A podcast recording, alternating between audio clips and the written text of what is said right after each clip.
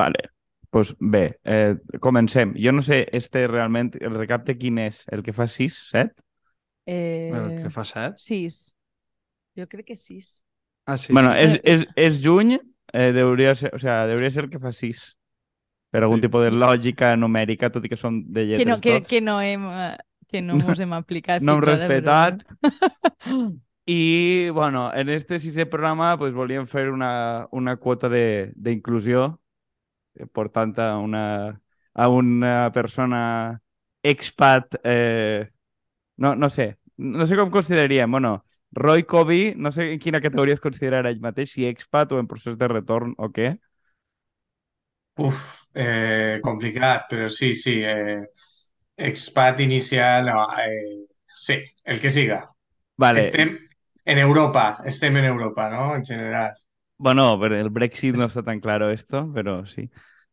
Eh, Geogràficament, continentalment, a Europa.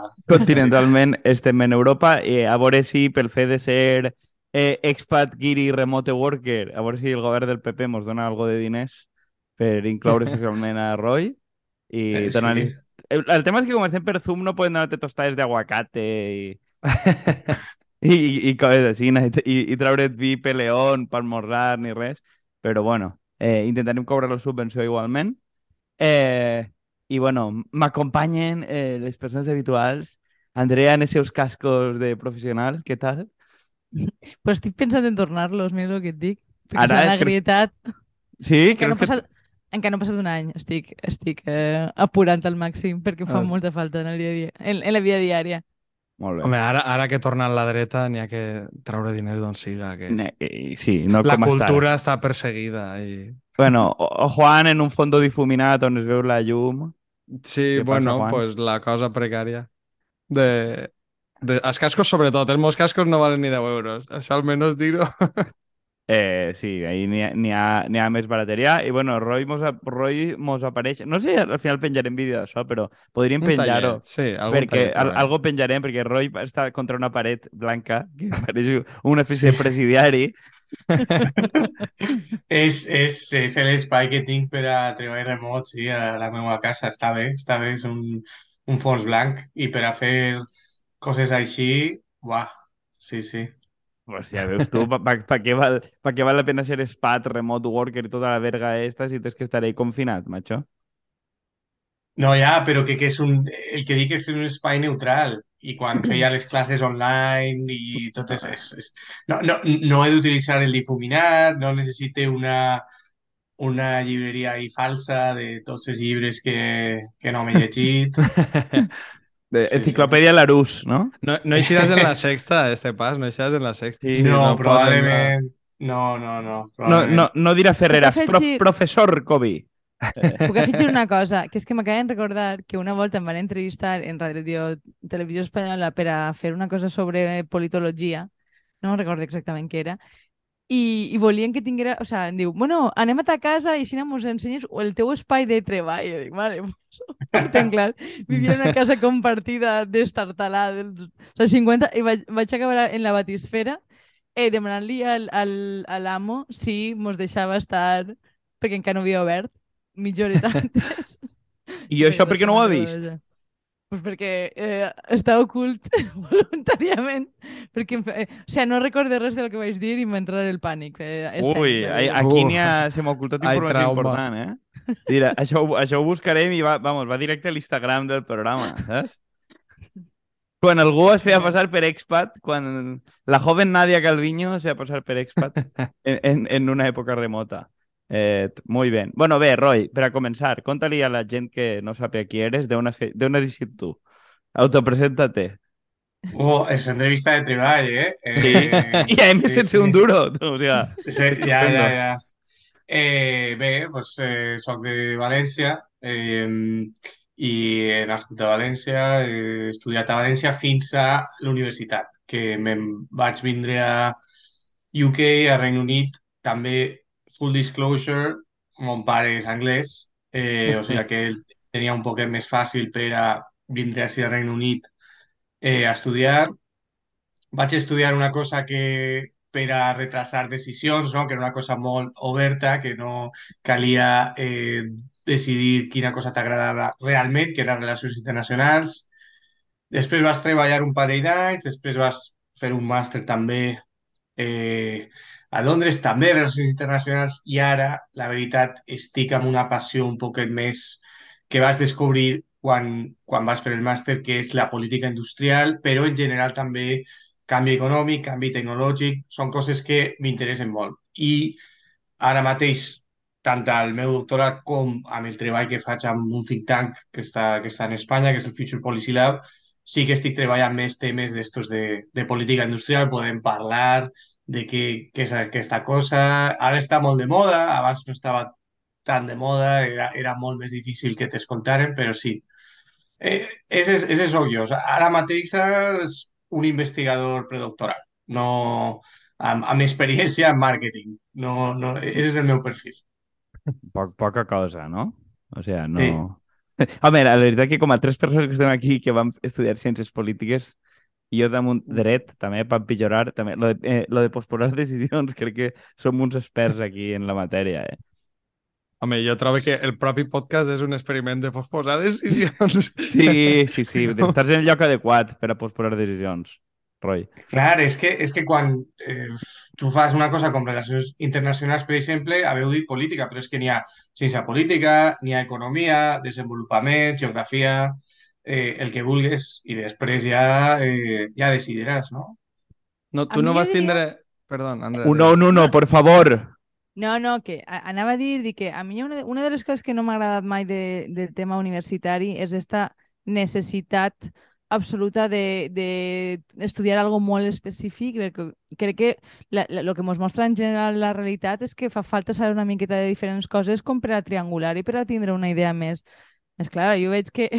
Jo no ho veig com eh, una qüestió de ajornar coses, sinó eh, un coneixement més, Més expert i Coneixement més... multidisciplinar, la Exacte, visió gràcies. holística de les coses. No, però, Sí. però ho, dic, ho dic absolutament en sèrio. Eh? Sí, sí, jo sí, penso sí. Que, que ahir està, a, acabarà havent una transformació en com entenem el coneixement en les universitats en general.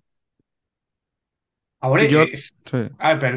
No, per, perdona. Eh, Digues, digues. Sim- Simplement anava a dir que els incentius professionals van en la direcció contrària, perquè el que trobo és que per a treballar a l'acadèmia has de ser molt, molt especialitzat Mm. i eh, jo fins i tot de vegades tinc problemes amb... eh, perquè jo no sóc molt... Eh, no sé, no he tingut una formació molt ortodoxa per a, per a estar a l'acadèmia i, i tinc problemes de vegades quan penso en papers i penso en coses i després les envie perquè em diuen no, no, no, però és que això és un tema molt concret i estàs vinculant dues coses que no... És, és el que estic veient en quant als incentius professionals i les coses que et fan avançar a l'acadèmia ara. Però, però sí, sí, perdona, no, no vull... Eh, No, no, m'interessa sí, sí. el tema, en realitat. Ho dic perquè crec que ahí també hi ha com un, dos camins alternatius, no? Uno que té que més a, més a veure en una qüestió d'utilitat pública, i jo crec que ahir, si vols, després parlem una miqueta del eh, Future, Future Policy Lab que, que estàs comentant, i un altre més, diguem, de, de formació in, interna acadèmica que, que es, es requereix com més especialització, més tecnicitat, igual, en el tema del vocabulari. Jo, per, per exemple, jo, jo que treballo en la facultat de Dret ho veig molt, que, que, Sí. que en, el, en, en el meu cas es, es prioritza molt un llenguatge, diguem, o sigui, la demarcació de llenguatge propi, més enllà, de que, me- més que la comprensibilitat. Sí, sí, totalment. A veure, jo és que també trobo que ahir també és eh, un poc les dues coses a la volta, no? Com a que a, a la volta, cada volta tens com perfils més tècnics i més especialitzats en coses, però també si...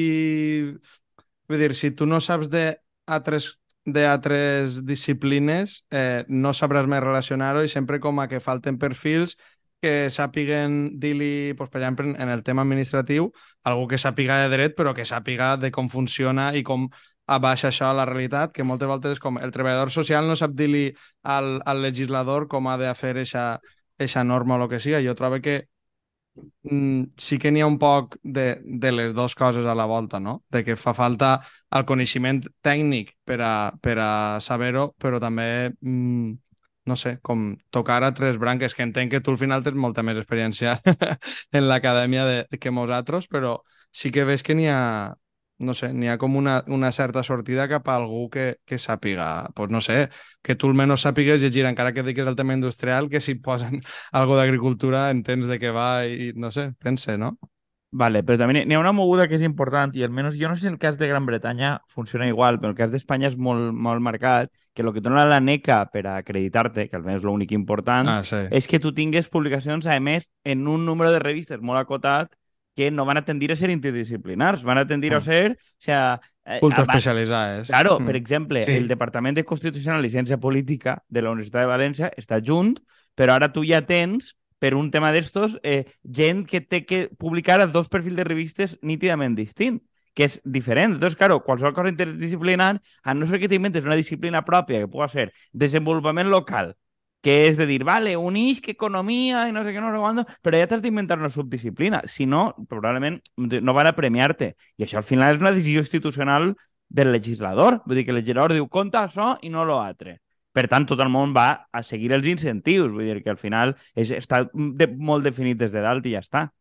Sí, i, i, i jo trobo molt interessant perquè si parlem de la utilitat pública, que, que ho hem mencionat, moltes de les grans idees que pe poden pensar solament en les ciències socia socials de, dels darrers 20 anys o 30 anys és que han sorgit en entorns que jo pense que són interdisciplinars, normalment. O sigui, que no estarien en aquestes revistes, però efectivament, com, com Kiko diu, és el que et puntua per al final treballar en Espanya. Sí que és veritat que si pot ser a Regne Unit és un poc diferent i podem parlar d'això, però perquè el sistema eh, té altres criteris que, de fet, de vegades són més mercantils, però al ser més mercantils, eh, en algunes coses n'hi ha més apertura, però, però per una qüestió de mercat, no? Perquè n'hi ha un mercat per, per, per tindre, pot ser, eh, estudis més interdisciplinars. No sé, és, és, un, és un tema molt interessant, però ara alticadament perquè és el, el futur, no? La feina, el que siga, no? Eh, Eh. perquè eh, estic al darrer any del doctorat i, i tens aquestes coses en, en el cap, no? A mi em recorda un poc el que parlàvem en un programa, bueno, no era el recapte, però bueno, ja que estem, el que parlaven sobre les pel·lícules de Marvel i tal, i també el programa sobre Vallín, de que al final es, passa un poquiu com, com en les pel·lis, no? De que tu tens pel·lis que, encara que sigui per lògica de mercat, a, eh, a, escolten i van agafant altre tipus de coneixements i així és com per una lògica que no té res a veure amb el mercat, que és el que passa si Espanya o més a, a, al, al continent, eh, tens motius d'hiperespecialització que potser no obeixen a eixe, no?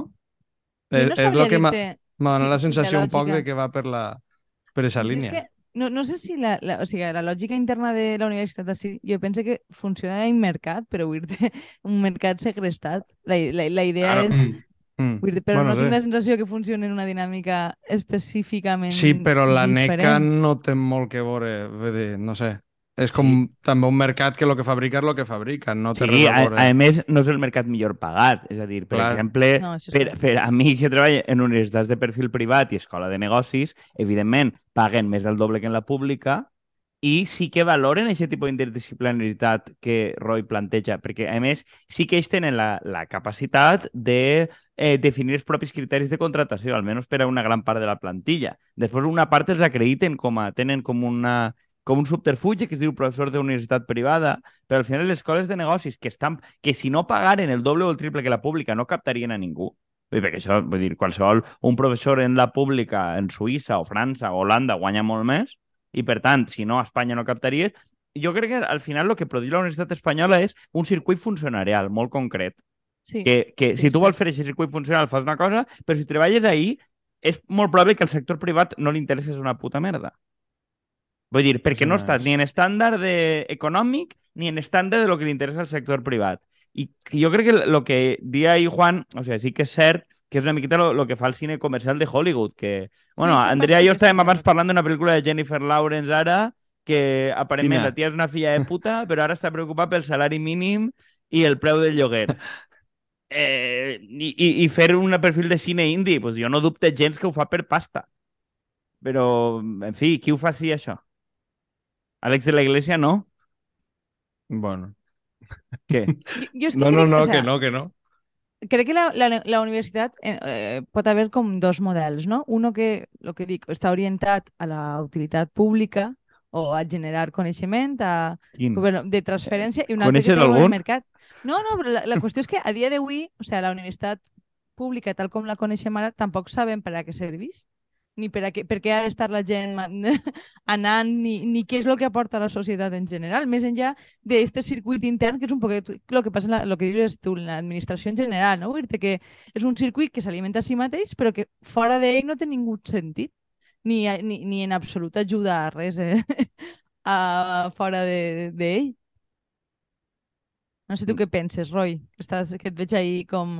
Estaba, Molt eh, o sea, eh, sí, sí, estaba reflexionando. No, no, Sí, però no reflexionant en veu alta, home. no? Home, home, Sí, vamos, sí, sí. vamos. Eh, eh, però sí, però que no, no, no puc ser tan, tan determinant perquè sí pense que n'hi ha espais, òbviament, i sobretot d'investigació bàsica que coneixem tots, no? De, jo que sé, el que siga, biologia o, o eh, que, que, sí- que sí que tenen molta utilitat i, i fins i tot al nostre país també i que, i que estan en rànquings mundials i el que siga, però eh, jo crec que sí que hem perdut una qualitat que pot ser el, el problema o el, és que abans n'hi havia un objectiu que era molt més fàcil de definir, que era eh, durant segles a la universitat han anat quatre persones i ara volem que pugui anar tot el món. Vale. Una vegada més o menys hem aconseguit això, encara que no és veritat, perquè no és veritat, perquè no n'hi ha una universalitat de la universitat real, però bueno, pensem que més o menys estem arribant, jo crec que hem perdut una, un, no, no sé com, no sé com veure-ho, com, com, com, ok, ara, ara què fem amb tota aquesta estructura, no? I a veure, part del meu interès també a, a tot la, tota la qüestió de la política industrial també és si contem amb institucions a la societat que no estan solament cortades per criteris que són de mercat, sinó que també poden tenir, tindre altres criteris com l'excel·lència investigadora o com la contribució social. O sigui, com, com les articulem, com, com fan aquesta missió de eh, d'actuar com, a, com a ancla, no? Perquè són, són espais diferents i fins i tot en el món anglosaxó, jo, jo crec que no, no és una qüestió que hagi arribat a Espanya tant, però sí que parlàvem molt que, per exemple, tota aquesta qüestió de lo de eh, lo de la cancel·lació, lo de les protestes estudiantils, quan es fan protestes a les universitats per a que no vagin els speakers, el que siga, és com un intent dels conservadors d'entrar a l'últim reducte que ha escapat no, a, a, esa, a, esa, a ese poder de, de mercat, de mercantilitzar-lo tot, perquè tu pots fer-ho, per exemple, la sanitat als Estats Units, tu pots fer-ho, però la universitat encara té uns criteris que són, no, tu has de publicar aquí, no, tu has de, has de ser referenciat pels teus... I com aquesta polèmica és un problema que tenen els... els i, i no sé, és, és un tema molt interessant. No per casualitat també tens un muntó de població universitària que fins i tot tenen condicions materials que són millors que la mitjana, però tenen idees progressistes moltes vegades, no? Són espais que són les universitats molt interessants i que no és la meva especiali especialitza especialització d'estudi ni res, però que, que no sé. Esa és la meva resposta general. No sé si he dit alguna cosa coherent. Sí, sí. Conta'm-nos, ja que estàs una miqueta sobre el projecte que tens entre mans, que ja en, en realitat no sé si, si està emmarcat dintre de la universitat o, o, o ho feu ja des de fora. Bé, lo del, lo del Future Policy Lab és interessant perquè una frustració que, que crec que tenim tots a, a Espanya en general, a València, on siga, és que eh, no existeixen estos espais que són separats dels partits, però també són polítics que, que facin contribucions regulars de- d'idees, no?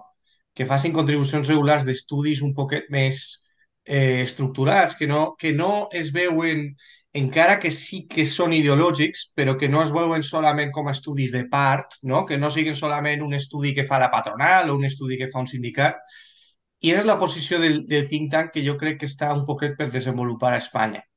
Eh, I el Future Policy Lab, jo crec que la idea que és interessant és aprofitar, bueno, sí, la, la posició que és prou estable de, de persones que estan dins de la universitat, d'investigadors, per a combinar-les amb les contribucions potser de gent un poc més jove, com jo encara sóc jove, però sí, gent encara més jove que jo, que potser tenen exposició a idees diferents o que tenen una capacitat de comunicació diferent i amb aquesta connexió generacional i també eh, fins i tot geogràfica, també en el meu cas, eh, fem coses noves. I una d'aquestes coses, per exemple, l'informe sobre el retorn de la política industrial que hem fet, que evidentment parla d'aquest eh, moviment que n'hi ha a nivell global, eh, eh, de recuperar la política industrial en general i, en, i de què manera podem afegir-nos, no?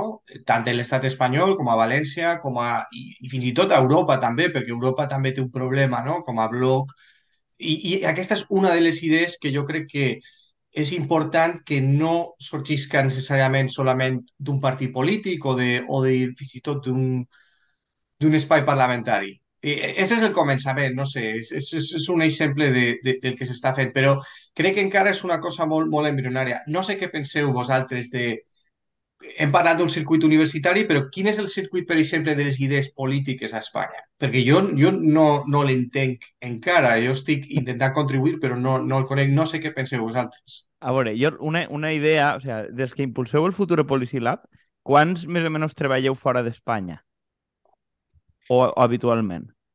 N'hi ha, eh, eh, jo crec que n'hi ha una quantitat important, si de la meitat de, de fellows i de, i de col·laboradors, no, no de les persones sènior, perquè les persones sènior són principalment acadèmics en posició en Espanya, però dels que són júnior, jo crec que és molta gent que almenys té una experiència a l'estranger, ja siga del grau o del màster encara que hagin tornat o el que siga. Sí, sí, és un grup prou internacional. És sí, que jo, jo crec que o sea, una cosa que té, que té bona el, el, el futur Policilab, i de fet una cosa que, que ho vam parlar tu i jo, de que, de que tu veus entre la gent o sigui, gent que dius, fotre, estos tenen una bona família, un bon posicionament, un bon estatus, vull dir, eh, des, de la, des de la pinta que tenen els cognoms i tal, i vull dir que és una penya que està com donant la cara en públic, que més allà del cachondeo que, que, que podem fer sobre el tema, crec que és prou, prou curiós, però al mateix temps crec que parteix d'una certa ingenuïtat, precisament per el que tu dius, de la idea de nosaltres anem a intervenir en públic i anem a dir-ho i es farà perquè en el fons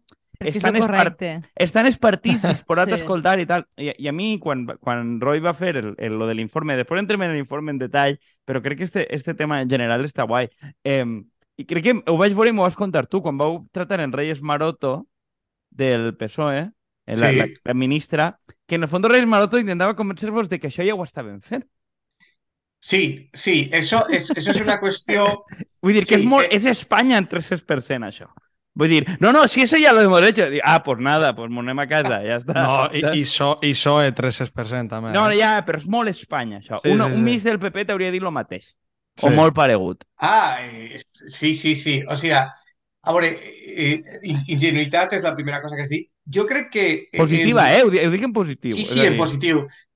Eh, de fet, jo crec que és important un cert grau d'ingenuïtat perquè si no, eh, si no, no penses que podes canviar gens, no? És com un, un cert grau d'ingenuïtat de com funcionen les coses eh, has de tindre. Però si, si tens raó, jo, jo sí que pense que eh, n'hi haurà gent no, no solament vinculada al Future Policy Lab, però pense el món think tank en general, no? i no solament a Espanya, sinó als Estats Units o on siga, n'hi ha gent que tinga aquest model, no? de si nosaltres presentem aquesta proposició de manera molt racional i de manera molt eh, amb bons fundaments i tal, eh, s'acceptarà. I jo crec que...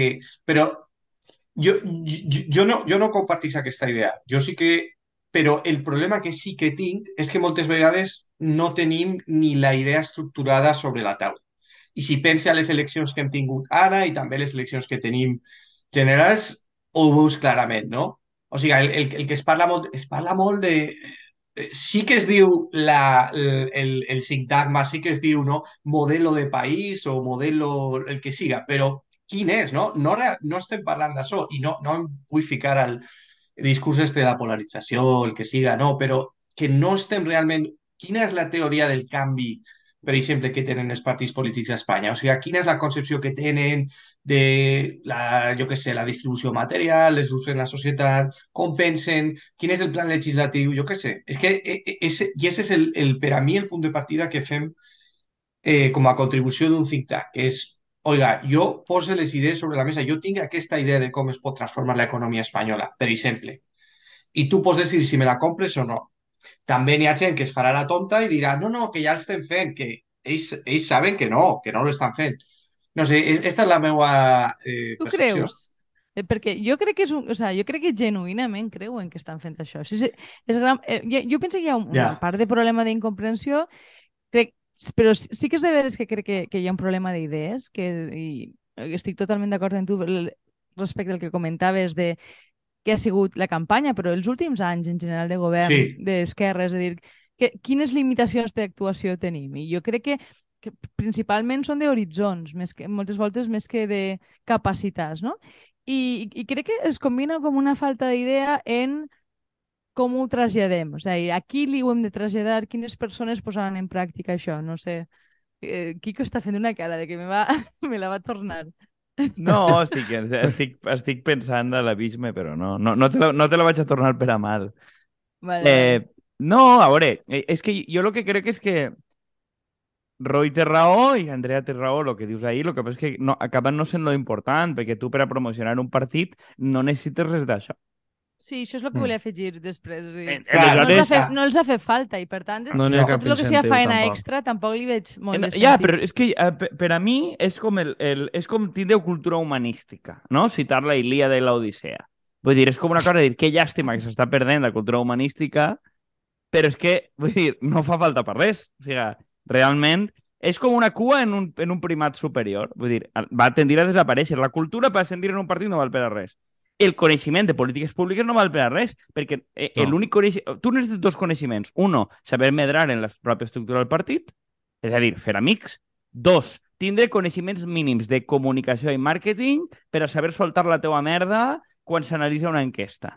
I al final, eh, i, i ho dic per, per l'experiència Per- de tracte en ells, eh, i, i, i a més, vull dir, que esteu així, sabeu el que és donar un informe a una administració o estar fent-lo, com en el cas de Juan, i que tu saps que va directe a un calaix o a la trituradora de paper, no perquè seria faena.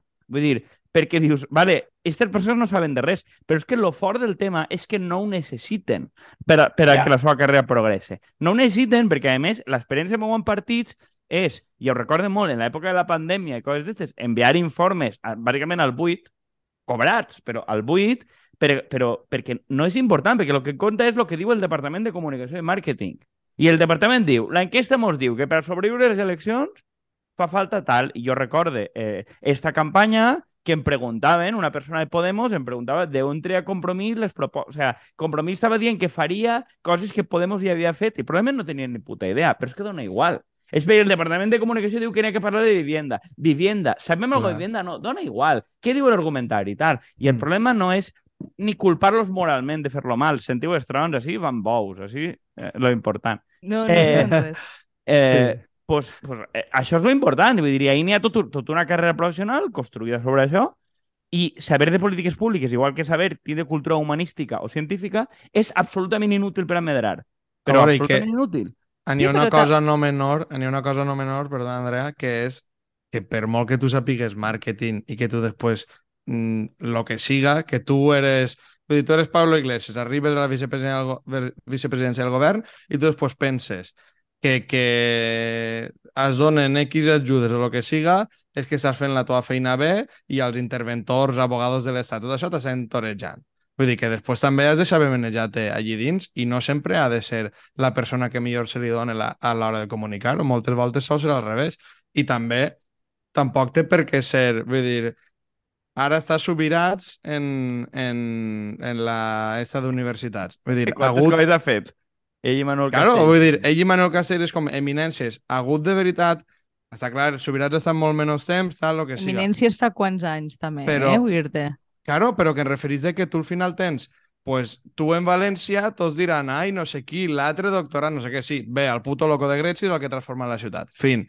Vull dir, que moltes voltes és el que, el que té el rotovato i el que sap manejar-se dins i sap convèncer els tècnics i també que la seva secció, el que siga, siga més fàcil de manejar que a lo millor política industrial que, que No, i, i que, i que jo, jo adore, per exemple, Joan Romero. Vull dir, però que Joan Per Romero, tot el exemple. que estos anys, no ha volgut absolutament de res, perquè no han fet ni puto cas. Però. Gret s'hi ha fet, o Josep Vicent Boira, que es burlaven d'ell el corredor mediterrani, l'home s'ha clavat a clavar travesses de tren. Li dona tot igual. Ja està. Sí, sí, Vull sí. dir, Sí. El tren, el, el tren avança, sí. Vull dir, Sí, ja, ja ja està. està. U, Sí. One issue, ja està. Tira-li. Mm.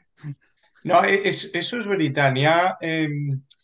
O sigui, jo, lo de la idea de los listillos i tal, el PhD, això no serveix per res. O sigui, les contribucions polítiques es fan des de qualsevol posició intel·lectual, eh, des de qualsevol credencial o el que siga. O sigui, i, i, eso, i eso és molt important i, i moltes vegades no s'entén i sobretot en, eh, sempre hi ha una temptació a la tecnocràcia o com el puguem anomenar, no?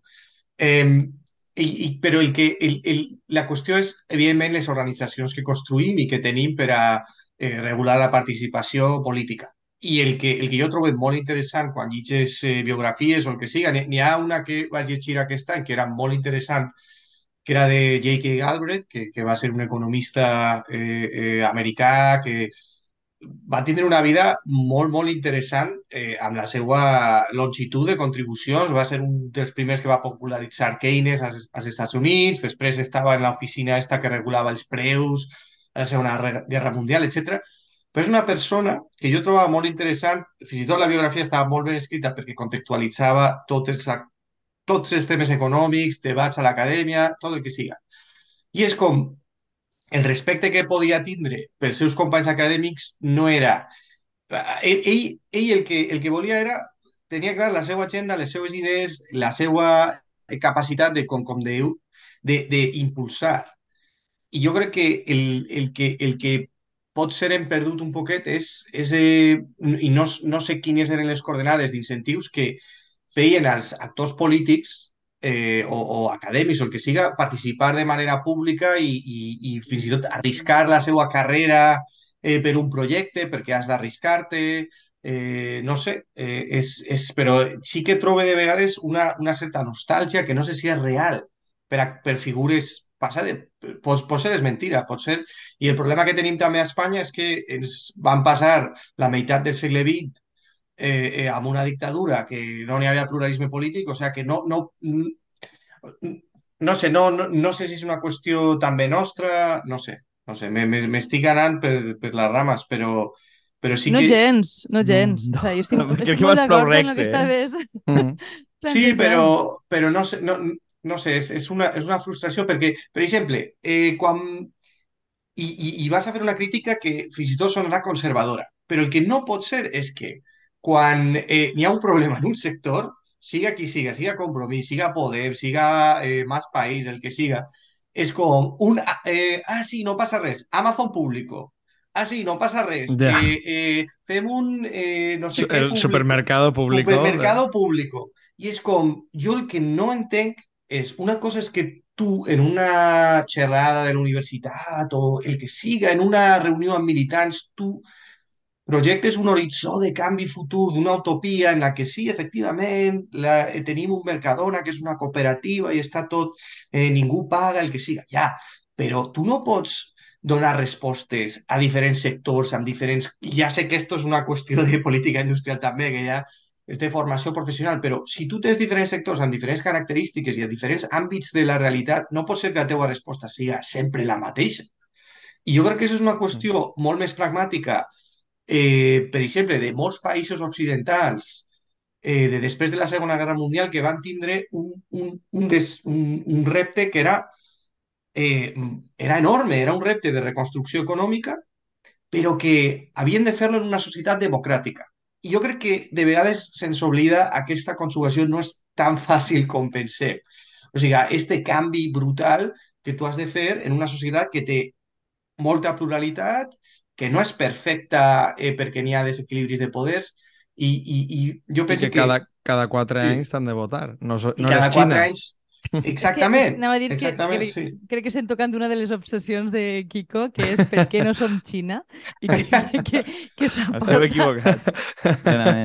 De, de, de fet, anava a dir que, vull dir, que estic llegint una biografia de, de Keynes que, perquè me la va recomanar Roy, que realment me va recomanar una altra, però jo vaig Sí. agarrar la que no és. Però bueno, igualment, crec que... Però fa- molt bona, molt bona. Però també. Kiko, Kiko fa la millor política de l'administració, que és, encara que siga un error, com ja s'han invertit, No, ja eh, que... és tan fàcil com que era la que estava per baixar en ebook gratis. O sigui, Molt no, no, no Ah, té vale, més vale, misteri. no inversió, No, però, però sí que respon molt que tu veus el Keynes de fa 100 anys, justetament, vull dir que és, que és un tio que es mou entre artistes i que es mou en un món social, que col·labora en el govern, i que és crític i que el fet de que ell vagi contra els ministres o contra el govern o tal no redunda com a Espanya que a Unamuno i aquells els, els, els exilien a Forteventura o es tanquen a la presó. Vull dir que això no és exclusiu del franquisme. Vull dir, tu no tens aquí una cultura de un Ferrer i Guàrdia fusilat, Unamuno a, a Fuerteventura. Després, tu, tu, uno com Keynes, que dius, el govern acaba de firmar una pau en, en Europa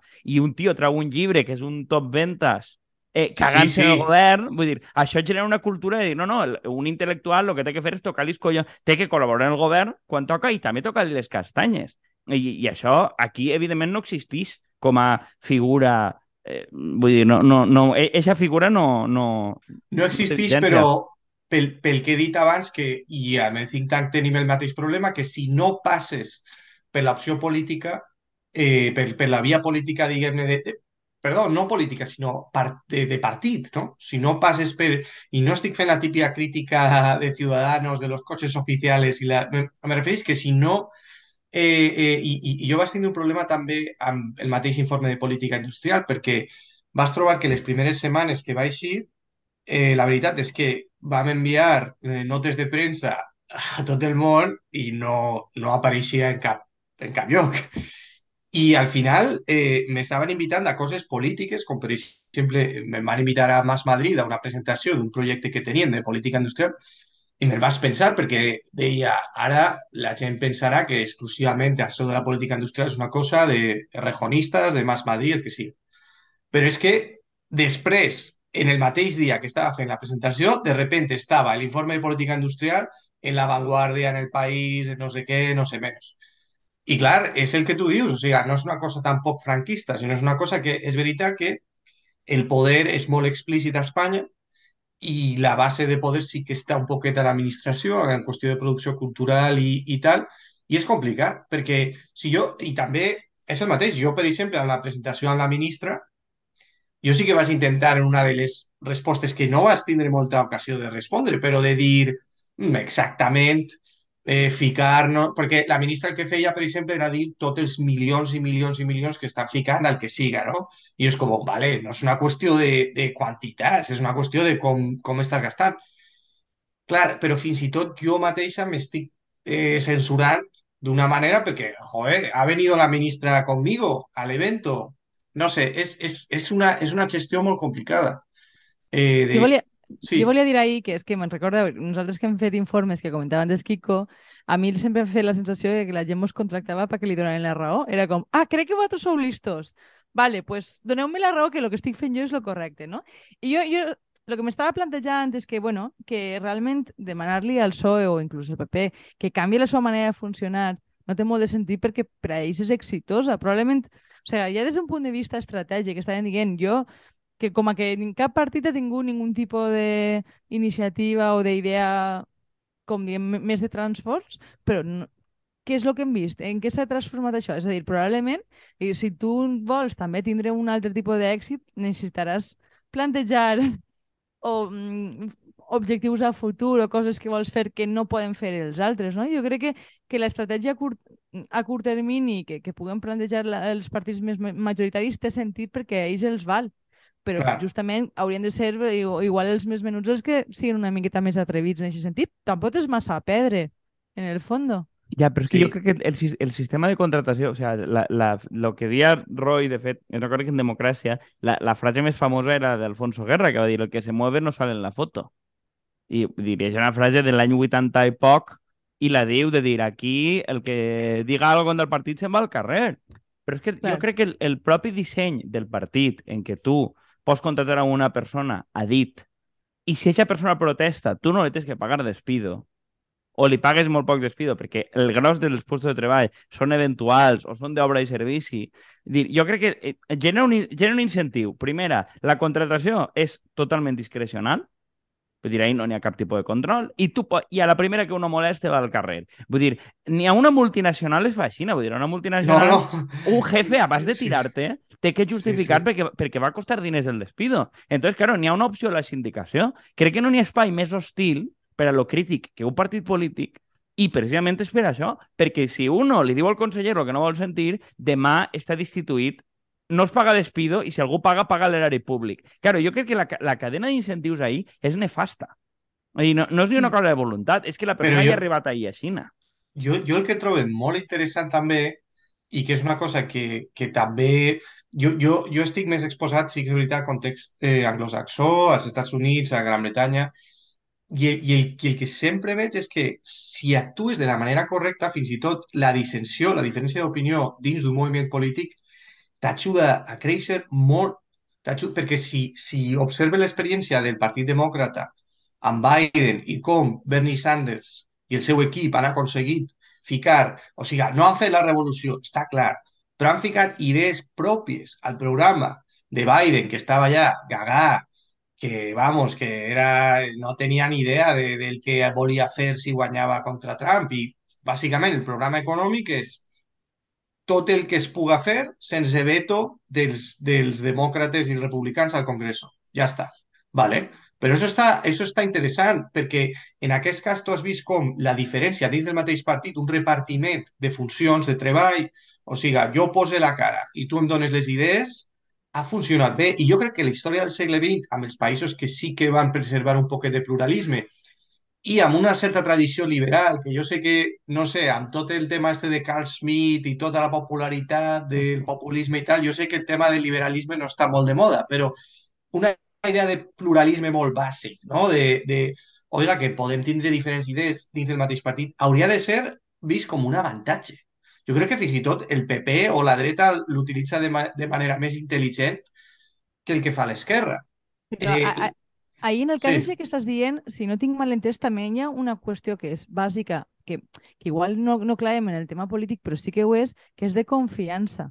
Ja. Si tu necessites gent al, al, al voltant, encara que tu no sàpigues que confies, que tenen bon criteri i que saben, no? I jo crec que això moltes voltes és el que no tenim. Perquè I, I hi ha més que confiança que tinc, vull dir, derivat que tinguem paraula. O, vull dir, no sé, que no... On perquè... per lo, lo, lo, la importància de lo interpersonal en, en, es, Sí, en, sí, sí. cas, en el cas de, d'Estats Units es, específicament. Però és que El lo inter- tema, inter- el tema és que no, me, els que medren són el que són. Vull dir, Ja, no però, sé. a veure, però és que l'interpersonal també, vull dir, és que, eh, per exemple, tu a Biden te'l tens que papar de senador per Vermont perquè ell guanya allí i perquè la gent de Vermont posa diners. Igual que a Ocasio Clar. te la tens que papar de congressista pel Bronx perquè es presenta ella com a persona, perquè ella replega i guanya... O sea, el, el... Jo no dubte que si Mm. l'establiment del Partit Demòcrata poguera posar a dit a una persona, haguera pogut posar a dit tots els anys de neoliberalisme guarro, algú que no fora Sanders haurien posat a Sanders. Vull dir, Sanders Clar. està perquè el partit no té tot el poder per llevar-lo del mig. Clar. Vull dir, és Mm. que el, el propi sistema d'elecció vull dir, té coses molt perverses, però és que el tema Mm. és que Sanders en el PSOE o en el SPD alemany hauria durat una rosa, perquè l'haurien llevat de la llista i punto. I Claro, ningú se'n sí, recordaria d'ell. Hauria escrit un llibre, anys No, se- després... Sería izquierda socialista, ay, Ya está, izquierda sería republicana un- o algo así. Un friki que seria professor I d'universitat, Iaiò Flauta. Pérez. Tapias. efectivament, i la filla l'hauria posat Pablo Iglesias en la llista, anys després, algo ¿vale? así. Però vull dir, però, però, i així hauria eixit en la tuerca algun dia. I ja està, vull dir, que també, el, a veure, i- igual és un tema com molt institucionalista el que plantejo jo, però crec que la manera que tu, tu dissenyat i que el tema del districte uninominal i que tu, com a persona, tingues que guanyar les garrofes cara a l'electorat i cara a aquest, les donacions i no cara només al partit, crec que té un pes brutal en que, o sea, el, el establiment demòcrata sap que Sanders, a no ser que es muiga demà, no va desaparèixer. Clar, I per tant, has de negociar en ell, perquè va estar. Sí, sí, i, i, i, bueno, i per a republicans, a l'altre costat, amb els vots estos eh, de los neofascistas estos de Trump, es, tenen el mateix problema, no? Si tu, eh, pues sí. No, i, i jo crec que és molt interessant perquè fins i tot no estem, estem parlant de sistemes electorals que, a per altra banda, tenen molts problemes, perquè, de fet, de nou, els sistemes anglosaxons són els que més han anat en l'altra direcció, no?, de neoliberalisme salvatge, el que siga però sí que és... Eh, i, i, I a mi em dona molt de curiositat perquè hem, ten, hem tingut una dècada no, en Espanya de diputats i representants electes eh, de partits d'esquerra alternativa, no? Eh, molta gent cobrant diners i amb recursos interessants, importants, però no sé quin és el llegat institucional que han deixat, no? Perquè aquesta és una cosa molt... Clar, Canal, però... Canal Red. Però aquesta és una cosa molt interessant, perquè tu has parlat del cas de Sanders, però fins i tot Corbyn, així, a Anglaterra, que ha sigut expulsat del Partit Laborista, expulsat directament eh, perquè diuen que és el dimoni, el que siga, vale. Però fins i tot tenen problemes amb ell. O sigui, le han expulsat, però eh, en el laborisme estan un poquet acollonats perquè si es presenta per la mateixa circunscripció, perquè ha sigut el candidat durant dècades i s'ha tenit, sí, s'ha guanyat les lentejas amb donacions, amb, eh, perquè coneix eh, associacions de veïns, etc tenen problemes amb ells. I en, està clar que en Espanya no existís aquest incentiu des de l'extrem este de lo de los famosos cuneros, ¿no? que se posa un candidat a dit en la província que siga, i, i després en altres circumstàncies és que no, la gent no té aquesta percepció de que està votant un representant o el, i, i, no sé, és, és, és, és, és molt curiós, però clar, l'altre sistema tampoc és perfecte. I, i... Oh, no, i No, que no, sí. també, també és veritat que ahir les pròpies primàries s'han pervertit, vull dir, bueno, ja sumar por lo que és, però que Ja, tu, ja. tu en el seu moment, pues, joder, de 2015 o el que siga, pues jo trobo que un exemple també, està clar que és el cantant de la gossa, però Nadal, al final, tenia el seu sèquit i el seu tal, i va poder entrar a compromís siguent una persona que estava més o menys dins o el que fora, però que és, Però per no què? sé, ara, ara mateixa, perquè té suport al seu I, i, i, territori. perquè el, I perquè el reglament al final és millorable, però és molt fàcil. Si tu apuntes Exacte. a més amics que l'altre, entres. A partir Pues del moment que el el tema. reglament ha sigut tu tens que ser dona desvers, anar el 5 Exacte. i no sé què, no sé quant, evidentment això s'ha- s'ha- ho ha S'ho ha cegat, petat tot, però, sí. però a més perquè la, la pròpia dinàmica, la pròpia dinàmica de les primeres de Podem, al final, al principi, tu podies votar en planxa, millorable i tal, i de fet, el, el 2015 les llistes s'alteren i entra gent que no havia d'entrar. Antonio Estany, per exemple, havia d'anar tancant la llista de la Canda. Antonio Estany acaba de dos perquè n'hi ha un moviment estratègic coordinat de votar-lo per damunt d'uns d'altres. Vale? Si no, si no, mai hagueren entrat. Perquè la idea, la idea de la de, dirigent era esta. Nadal no haguera entrat. L'aposta d'ells no és un secret per a ningú, no era Nadal. Què passa? Per poquet a això. poquet, els partits, a més ho hem vist en 8 anys, han fet un tancat. moviment de tancament. Han fet un Mm. moviment de que eh, ara només control. voten els militants. Ara voten no sé que- què. Perquè de número inclús el 2 en PSOE. Torrent té que entrar qui jo vull. És que volen tindre un PSOE... control intern, bàsicament. Vull dir, s'ha Sí, sí. reforçat una qüestió diguem, més clàssica de lo que és un partit polític, el qual probablement té sentit a mesura que es consoliden, però vull dir l'últim... O sigui, és que l'últim que fe Podemos de, de... No, lo votes si estàs a favor de lo que decidisca la directiva. Pues molt bé. Bueno, Però és com, Estupendo. és com Confiança que cega. És, és, és, és tindre un poquet el, el pitjor dels, dels dos mons, si, si ho pensem d'aquesta Sí. eh, manera. Perquè el, el que ha passat, i, i amb això Paulo Gerbaudo, el seu llibre de, del partit digital, ho, ho, ho explica molt bé, no? Però el que passa és que hem utilitzat unes tecnologies que han facilitat la participació, el que siga, però bàsicament hem replicat, eh, bueno, tot el món no sap, has dit la consulta de Podem, no? Hem replicat una circumstància que bàsicament guanyarà l'opció que diga la directiva i, i poc més, i després, eh, eh, però jo també tinc aquest problema que sí que és veritat que una vegada el projecte polític s'ha posat en marxa, també és molt complicat tindre aquesta, com una oposició interna que siga eh, eh, molt complicada de gestionar. O sigui que aquest problema de gestionar la pluralitat tampoc eh, és fàcil de...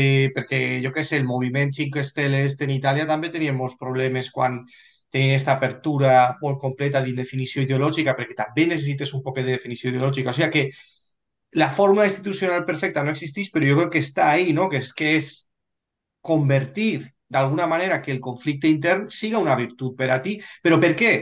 I, i ja el traduïsc a qüestions materials, no d'idees. Materials que tenim. Tenim uns mitjans digitals, no? O sigui, jo el que no entenc és que els mitjans digitals que creixen amb la controvèrsia, creixen, o sigui, eh, eh, amb el hate, els likes, el dislikes, el que siga, tu, en els darrers vuit anys, qualsevol debat doctrinal, ideològic, tu hauries d'haver posat gent ahí en un YouTube a, a discutir o en un... el que siga. Jo penso Mm. que a, haurien d'haver aprofitat la perversa economia de les xarxes socials, per exemple, que es basen al conflicte, estar enfadat tot el dia, però per a guanyar audiència, no? No sé, eh, per exemple, no? Roy, Eh, nosaltres som els de la Ja. il·lustració Mm. i el que volem és un debat que, com en la França del segle XVIII, no t'has enterat de res. O sigui, Nosaltres Mira, estem en contra això- de la polarització. Ells que, que tinguen audiència i guanyen diners. I nosaltres farem una revisteta i no sé quantos i tal. O sea, de, Però de és que veres, sobretot, sobretot al País Valencià jo el que penso és que, s'ha- que una que no, no t'ho esperaves i troba que et va desbordar, jo trobo que no t'esperaves ni molt menys. Entrar ahí, l'altre et pilla com et pilla, també som els que som perquè ha hagut un puto mm, èxode. Vull dir, és que tu eres un exemple, però és que a, tota la gent A que està visquent Catalunya, a a Madrid. Catalunya, Eh? Vull dir, ja, n'hi ha tots, molts, tots sí. se n'han anat, inclús dins de l'Estat, a zones més, més dinàmiques. Dius, per què? Perquè m'ha estat 20 anys i és com ara, no, ara 8 anys més del PP no passarà res. Pues escolta, és que igual se'n tornen a aquesta gent i al final queden, No, és Por que els que ja no queden, està. i és que passa el mateix que en el despoblament. Qui queda? Pues els que queden, a no ser que torni algun loco que siga ultramilitant i se ho prenga en sèrio, pues passa el mateix. A I- veure, i- sí, però, però és que, a més, a xicoteta escala, el problema és que tu no pots dir que no tot el món mira per. O sea, el típic, jo sé pel cas de compromís que conec més, el típic opositor a la línia interna, no, no, no volem anar en Sumar, no volem anar en Podemos. Hasta ese, quan li donat un sou, s'ha deixat comprar. S'ha deixat comprar per, per, per un sou de 1.500 euros. Perquè, a més, vull dir, el tema és que tu dir-li a una persona que és acadèmica o que no sé quant, molt mal anar-se a treballar fora, quan el- el últim L'última volta que va haver una, una oposició interna en compromís va ser l'alcalde de Bellreguard, que té, mi- o, o crec que era Bellreguard o per ahí, de 1.000 habitants. Tot el que estava per damunt de 1.000 habitants ja l'havien comprat en Un un poc sou. més, un poc més, 2.000. Sí, sí. o 2.000, però vull dir, tots els de damunt... Però, però el, el, el, el que dius és molt important i també ha sigut un, un, una, una raó per a algunes de les misèries que hem vist a, a l'espai polític de l'esquerra, que és, evidentment, la precarietat econòmica és un problema eh, molt important perquè tu tenies gent... O sigui, és que eh, tu ho veus amb el perfil dels candidats i tal, que amb tot el meu respecte, jo, jo, jo què sé, és, és que... Però sí, sí que era gent que... Diso, diso, no passa res. No cal No, de dilo, respecte, dilo. Roy. El- Estem no, en el- contra Este del podcast no té respecte, exacte. el, el que, no, però el, el que vull dir és que era gent moltes vegades sense, per exemple, experiència professional, sense eh, una idea clara de, de res o de, de funcionament de, del que siga, no? O de, i, I jo no... O sense el- el- ser del propi lloc, com ara sense en, ser del el propi senyor lloc. Xema. I el que, i el que, i el que també trobo és que n'hi ha una n'hi havia una confusió del que, o n'hi ha una confusió constant del que és també participar a política, no? Que, que és el tema de... O, o en Espanya n'hi ha un dualisme molt gran entre el que és supermilitant i superfriqui i el que està completament fora, no? Mm. I no és, el, no és la situació en tots els països. Eh, jo crec que ens, ens, ens falten molt més institucions que siguen mitjanes, que potser en, en moments eh, anteriors a la nostra història sí que han existit, però de tot tipus, no? I ja es, es parla molt d'aquesta cosa de lo de los ateneos, los tal, no sé què, però sí, sí és important, però no solament per la qüestió ideològica, sinó per la qüestió simplement material, no? Per la qüestió de eh, n'hi ha més diners per fer més coses, poc per a substituir aquesta cosa de la cultura de les donacions que sí tenim als, als espais anglosaxons i també la gent que pot ser no serveix per a fer polítiques públiques, a lo millor sí que serveix per a posar una taula i animar a la gent, animar el cotarro en una nit d'assemblea, potser sí que serveix per a eh, eh, dissenyar un, un pamfleto o el que siga.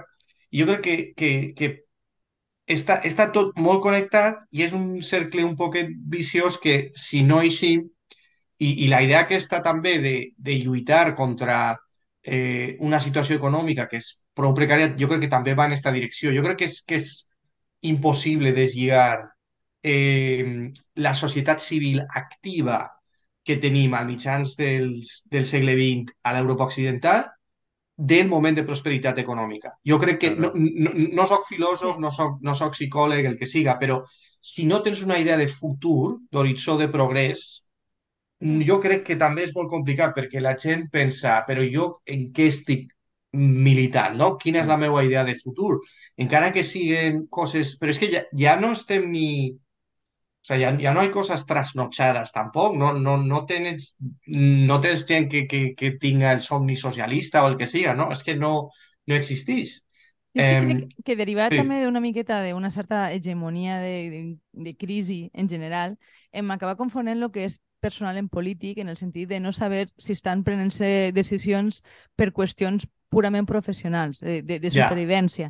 I, I crec que ahir hi ha un, una un gran coseta que jo, jo penso que tot el món comenta, però vull dir crec que està prou em, en, re- arrelat a, a lo que estàs dient tu ara, no? Perquè vull aleshores es perd la perspectiva, diguem, política en, en diferents escales. Vull dir, ja no forma una part, vull dir, perquè al final també política ha sigut una part de l'oci, ha sigut una part de... de però, però no, no una carrera professional. Saps el que vull dir? Exacte, sí, sí, I, sí, i, sí. I crec que això ha pervertit molt el sentit de lo polític. I aleshores, pa, tornant un poquet a la disciplina de partits que parlàvem abans, és molt difícil. dir, Jo, jo puc estar oberta a discutir quins models interns poden funcionar o quines coses estan bé, però si no estan basades en principis o en idees diferents, no té molt de sentit. Vull dir, aleshores, si es- estem parlant de, de lleialtats de clan, de, pues, de... Crec que la, la política s'ha convertit en una qüestió de supervivència i, per tant, individual. Per tant, és molt difícil d'entendre en, en termes agregats i en termes, diguem, més el, el plano que- social polític de, del que tu Però, parlaves, diguem. però també per lo que dia, vull dir, també per lo que dia Roy, perquè al final molta d'eixa gent, encara que n'hi ha gent que ve de certes associacions i es nota, eh, n'hi ha molta gent que ve de ell enclavant-se en este moviment polític o en lo que siga i agafant ja la dinàmica que té el del partit. Vull dir que millor no ve d'algo més associatiu on es decideixen les coses diferents. I simplement un apunt a banda del que dius O, tu, un, Roy. un, perdona, un parèntesi, Juan. O, o ve, de, eh, t'he deixat d'acabar, o ve d'un partit comunista o, an, o anarquista supermajara, que és supermajara fins al moment que n'hi ha sou. En partir del Sí, sí, moment sí, passa a ser eh, o de comissions, o de comissions o super o de- pragmàtic. Eh? Vull Sí. dir que això també... I- Eh, I, una. I un apunt de lo que dius tu també, Roy, lo del tema del segle XX, una banda del tema de les societats que, ai, de les societats que sí que n'hi ha moviment, etc i un horitzó, a banda també, per supost, el, el tema geopolític. Vull dir que tu al final tens com un... N'hi ha com una certa por que també pense que juga, que està claríssim que, que tu això sense... Vull dir que n'hi ha com dos coses estirant, saps? Ara és obvi que tu la teva societat no va demanar a ser Xina, però, però eh, igual, no sé, si tampoc tens a la societat que no està dient res i a l'altre costat tens a Xina, tu dius, eh, cuidao, que si aquí mos apreteu molt, mos convertim en Xina. Per tant, no sé, Què a banda dir, de tot... Juan? No sé. que jo jo m'he perdut. Jo també. No, no, no, vull dir que, que lo que dia Roy de, de que el tema de que al final les societats eren les que es tiraven en el, a mitjan dels anys, del segle XX per a que n'hi hagi transformacions, vull dir que també ahir estava operant que estava la URSS Ei, i que però estava, que- vull dir, però que a nivell que- geopolític Però és que el que passa és que jo crec que, que Xina no té el mateix tipus d'atractiu i crec Per que té això- el per tipus d'atractiu... Per, primera, perquè, perquè no, o sea, Xina no fa proselitisme, vull dir, crec que, tal. I segona, que crec que ningú considera que siga, o sea, que un perfil d'una dictadura, no sé quantos com fan ells, siga massa atractiu. Per I tercera, crec, crec que n'hi ha un prejudici ètnic molt bèstia i Mm. racial cap a Xina. Vull dir, perquè Mm. eh, no, no, tu viure allí vull dir, no, no s'assemblen a tu. Vull dir, al final, Mm. mo, molt de matxutxo d'ací intenta casar-se amb russes o ucranianes perquè entra Mm. dins del seu gust, però en xines no. Claro, Eh, claro, eh, ho, per- ho comentava per això mateix, que Claro. a nivell geopolític, per molt que tingues a Xina fent coses, vull dir que tu no, no vas... La geopolítica que dels matxutxos, Juan. Tu no, vas, tu no vas convertir-te... No, i possiblement ahí tinga més sentit. Jo pues crec- que si Estats Units comença a fer-ho i el govern de Biden o que siga, pues que així algú plante les orelles, encara que siga per imitar els d'Estats Units, saps? Sí, tardaran, però sí. Dir, a, a lo millor els locos de Vox, com volen portar pistola, pues diuen, no, política industrial. eh? Sí, a poner el cap de bou i a veure l'egia. Hay que fabricar más armas. Home, el cap de bou així també ja el tenen, eh? Que... El, el, el tenim un torero, eh? Cuidao, que, que Roy quan torna no es trobarà res ja. Eh, escolta, parlem de l'informe en si, perquè ens hem posat a divagar en Sí. lo abstracte. Sí, I- no, no, sí, molt, molt, molt interessant. A veure, l'informe en si eh, també és un intent de, eh, precisament heu parlat de, de Xina, però també és un intent de connectar-nos amb una tradició econòmica que on va sobreviure més és a, a Àsia Oriental, realment, perquè el model de política industrial activa eh, és veritat que, curiosament, es desenvolupa en Europa Occidental, però després qui agafa un poc l'antorxa és el Pacífic, començant amb Japó i després tens un moviment en cadena i el que, i el que estava fent amb, amb els meus companys és precisament eh, fer una reivindicació d'un model econòmic que jo crec que per a nosaltres, eh, perquè estava en un grup de lectura primer, abans de fer l'informe estava en un grup de lectura quan va començar la pandèmia, que parlaven de nova política econòmica en general. I una de les frustracions que teníem era, quan, no sé si us en recordeu, quan la crisi financera, que tots els models, totes les idees que tu veies als mitjans de comunicació, el que siga, tot, tot era la motxilla austriaca, rebajar el coste laboral i, i ens, els que, el que ens molestava també era que al, al costat progressista no teníem esa capacitat un poc de listillo, que sí que és veritat, de dir, oye, que en Singapur i en Alemanya també hacen esto, ¿no? Com un poquet tindre aquestes etiquetes que són més respectables per a al final una, una política que és d'un estat que, bueno, Matsukato l'anomena estat emprenedor, però sí que és eh, realment el problema que tinc amb Matsukato és que eh, ha fet pensar a tot el món que és una qüestió d'estat, no? que és una qüestió de el braç de l'estat ha d'articular-lo tot, però realment eh, la nostra proposta va en molt en línia d'alguns dels temes que, que hem parlat, perquè les tres C principals són eh, la coordinació eh, institucional, la coherència de polítiques i després la selecció de criteris productius. I especialment el primer tema, eh, la coordinació econòmica, realment parlem de densificar el que són relacions ja establertes eh, a, a l'economia espanyola, però que el, el problema que tenim és que tenim molts sectors, moltes activitats econòmiques que estan divorciades entre si, tenim sectors eh, que són molt precaris en les seves condicions laborals, eh, de, de, de serveis, i després tenem indústries prou innovadores però que no estan vinculades no, a la resta de l'economia. Però també tenim eh, eh, moments en què el sector privat està anant en una direcció i el sector públic no sap res, o la universitat, com hem parlat abans, està investigant coses. O sigui que la nostra primera proposta important és densificar les relacions econòmiques que ja existeixen. I per això, per exemple, a l'informe proposàvem eh, consells eh, quadripartits, que el que necessitem, si, si veiem és la negociació tripartita, per exemple, al món del treball, no? per a la qüestió de la reforma laboral, necessitem també una negociació quadripartita. Per què quadripartita? Bé, perquè nosaltres afegim també les institucions financeres, la banca, perquè quan parlem de producció, eh, de, de transformació productiva, estem parlant també d'aquesta importància no? del sector financer. I, i, I començant per això, ja ens podem fixar en models molt exitosos de, de coordinació, que és veritat que, per exemple, hem parlat d'un poquet del paper dels sindicats. Jo penso que en Espanya és un moment molt propici ara per a explorar la codeterminació al lloc de treball, però no solament per una qüestió de justícia social, que és un tema molt important de l'informe, sinó també per una qüestió d'eficiència econòmica.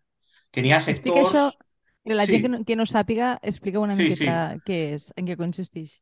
Doncs la codeterminació eh, eh, és, és una pràctica que existeix al món de l'empresa i sobretot eh, a Alemanya, però també a, Su a Suècia, també a Noruega eh, i altres països, eh, des de, fins i tot des d'abans de, de la Segona Guerra Mundial, on els treballadors participen eh, al Consell d'Administració, en, en primer lloc, o sigui, i, i així n'hi ha fórmules diferents. És veritat que n'hi ha models més ambiciosos, models que són menys ambiciosos i quan els treballadors estan al Consell d'Administració tenen eh, vots que són equivalents als inversors. O sigui, I també n'hi ha un dret molt important que és el dret a la informació.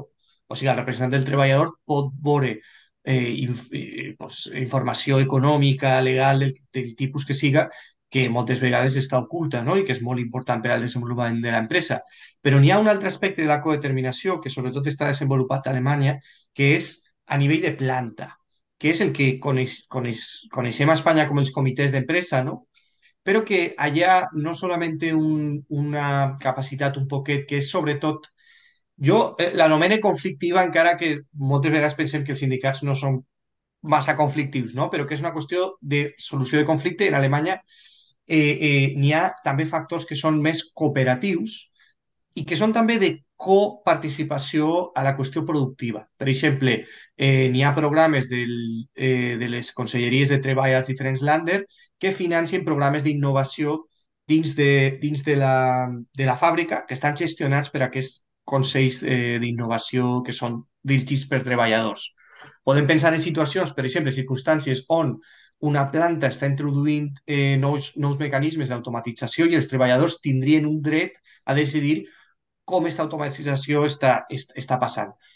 Per què totes aquestes coses són interessants no solament per una qüestió de justícia, sinó també perquè simplement amb la, les economies actuals depenen molt d'una informació ràpida no? que, que, que, que, que es puga transmetre per tota la cadena de, de valor. O sigui que el que estem fent amb aquestes, amb aquestes funcions de coordinació i cooperació és realment augmentar aquesta capacitat de reacció quan hi ha grans canvis tecnològics, quan hi ha jo crec que aquest és un principi molt, molt important. Eh, eh, estic fent ja un, una, una banda de, de l'informe, però és una cosa que no he comentat abans. I és que el que m'he trobat també la darrera dècada amb moltes posicions de partits d'esquerres o plans o el que siga és quan es parla molt d'una manera un poquet, jo l'anomenaria revolucionària o no sé, no sé com anomenar-la, per a qüestions o, plan, o plans o propostes que són totalment normals a països que són fins i tot més conservadors que el nostre.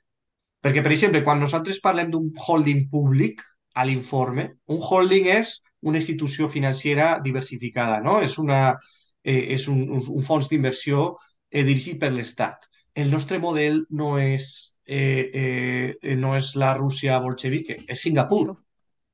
O sigui, és tema sec, és Singapur. Eh, eh, eh, Això també ho fa Holanda, no? També ho fa Holanda. I també, Noruega, o sigui, Noruega, en els fons del petroli.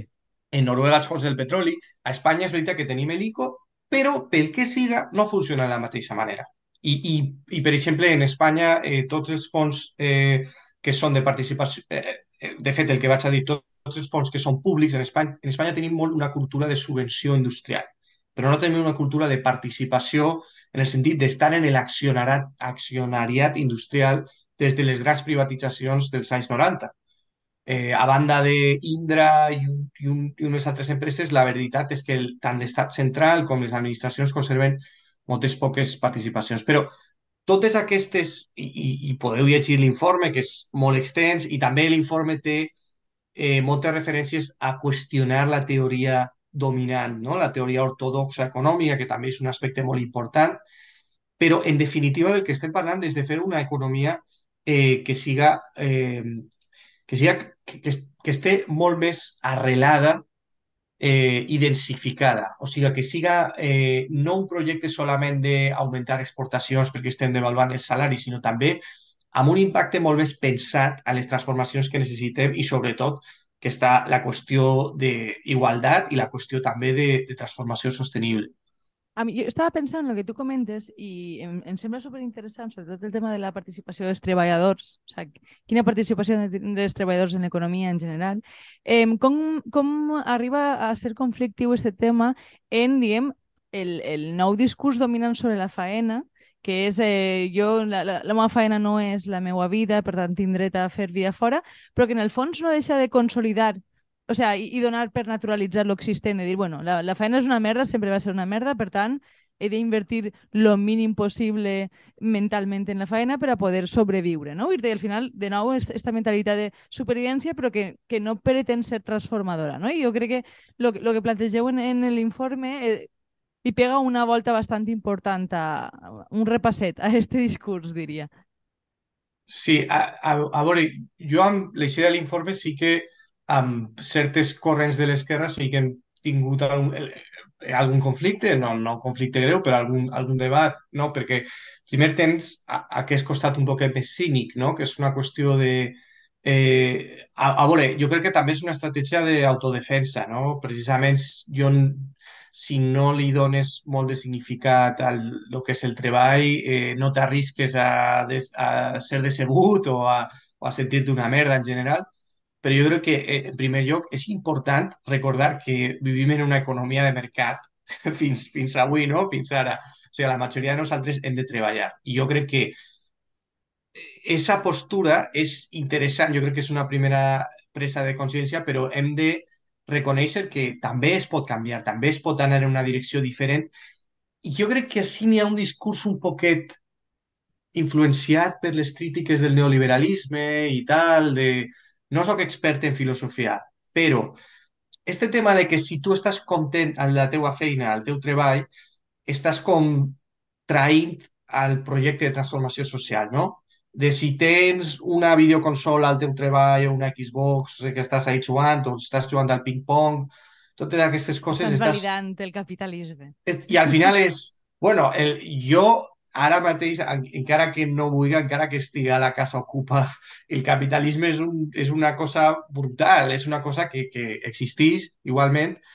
I també jo tinc una opinió que és personal i que, i que altra gent pot pensar que no, però precisament quan no estàs sobrevivint, precisament quan, quan tens un poquet més de prosperitat, la idea que dèiem abans de, del, del capitalisme de postguerra europeu, és quan estàs més valent per tindre unes, unes demandes pues, més grans, no? Po- Pots avançar un poquet més perquè no estàs sobrevivint, perquè no estàs eh, solament amb aquesta cosa. I l'altre conflicte que, hem, que, hem, que també hem tingut un poquet és amb el costat de l'esquerra que està més en la qüestió de, de la renda bàsica, no? De, de, de, fins i tot de l'automatització. Hem tingut eh, debats amb gent que m'han dit no, però si eh, automatitzarem tot, eh, no cal política industrial o treball que siga, i jo crec que així és molt important també aterrar, no? estar a, a la realitat, al pragmatisme. Fins i tot un futur en què tu pots automatitzar moltes més coses de les que tens ara d'una manera socialitzada i pots tindre una renda bàsica, etc.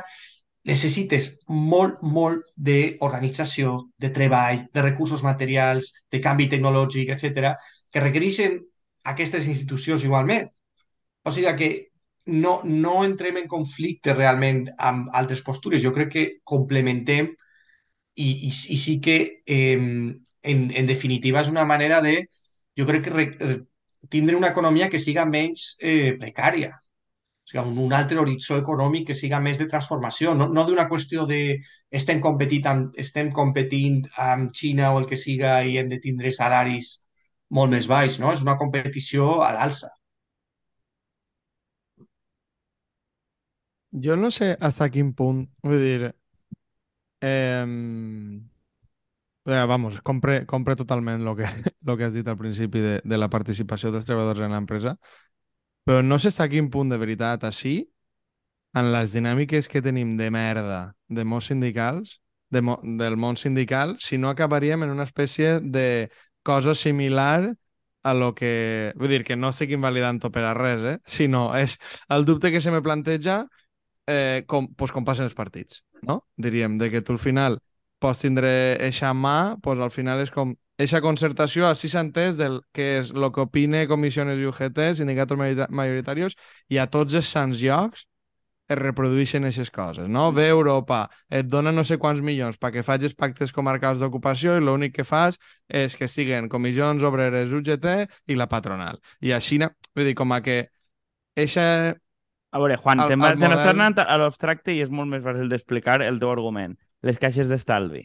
Vull dir, Sí, sí, el, el disseny de Matsukato, el que dius tu és jo creo un banc, tinc un banc públic i clave tot el món, sindicats, el Consell d'Administració, polític no sé quantos, la, tens una directiva que comença a robar, a anar de putes, fer-se ratlles, destruir, donar crèdit aquí i tal, i tot el món, com tenen una targeta, estan totalment comprats i van també ells de puti club. I, vull dir, i els sindicats, quan en el cas pràctic en Espanya se'ls ha donat als sindicats codecisió sobre algo concret, el que han fet és fer pols la targeta d'empresa. Ja està. Vull dir, això és el, el... I els partits també. Vull dir, que, que, que el, el tema és Però- que tenim una Però en experiència part també real... perquè els ho dones com a organització i els ho dones a la cúpula sempre, vull dir, no n'hi ha Ja, ja, però... algo radicalment democràtic, vull dir, trobo que va un poc també Sí. el que comentàvem abans, eh? De... Sí, però això ha fet molt de mal, perquè quan tu tens, dius banca pública, quan tu dius empresa pública i tal, en bon criteri et diuen, vale, targetes black. Jo crec que és dels casos que més mal ha fet el, el sector públic en la història.